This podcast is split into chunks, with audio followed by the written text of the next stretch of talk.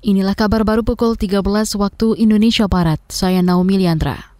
Ukraina mengklaim menemukan 1.200-an jasad diduga korban pembunuhan pasukan Rusia di sekitar Kiev minggu kemarin. Sementara di Buka, ratusan jasad dilaporkan bergelimpangan di jalan-jalan. Begitu banyak jenazah itu sampai-sampai dimakamkan di kuburan massal. Presiden Ukraina Volodymyr Zelensky pun naik pitam ketika mendapatkan laporan ini. Ia mengatakan pasukan Rusia membunuh warga Ukraina hanya untuk kesenangan. Kondisi ini juga memicu amarah sejumlah pemimpin dunia. Presiden Amerika Serikat Joe Biden lantas menyerukan agar Presiden Vladimir Putin diseret ke pengadilan internasional atas dugaan kejahatan perang. Kita beralih ke berita dalam negeri. Politikus Partai Demokrat Andi Arief memenuhi panggilan Komisi Pemberantasan Korupsi KPK. Ia bakal dimintai keterangan terkait kasus yang menjerat Bupati Penajem Pasar Utara nonaktif Abdul Ghafur Masud.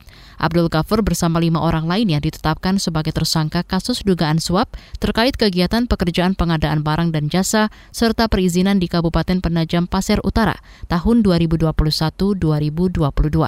Juru bicara KPK Ali Fikri memastikan penyidik akan terus mengonfirmasi informasi dan data yang KPK miliki kepada Andi. Sebelumnya, KPK telah memanggil Andi Arief, namun yang bersangkutan tidak menghadiri panggilan penyidik lantaran mengaku tak menerima undangan. Kepolisian daerah atau Polda Papua menduga pembakaran belasan rumah warga di kampung Kago Distrik Ilaga, Kabupaten Puncak merupakan bentuk balas dendam kelompok bersenjata. Sebelumnya terjadi pembakaran rumah pada pekan lalu. Kapolda Papua Matius Devahiri menduga pembakaran ini berkaitan dengan peristiwa penembakan dua anggota kelompok bersenjata Puncak oleh Satgas Damai Kartens. Kelompok mereka yang kena tembak atau ditangkap petugas Nah, itu sudah selalu kita ingatkan dan mereka pasti ada aksi pembalasan mencari korban baik kepada petugas khususnya.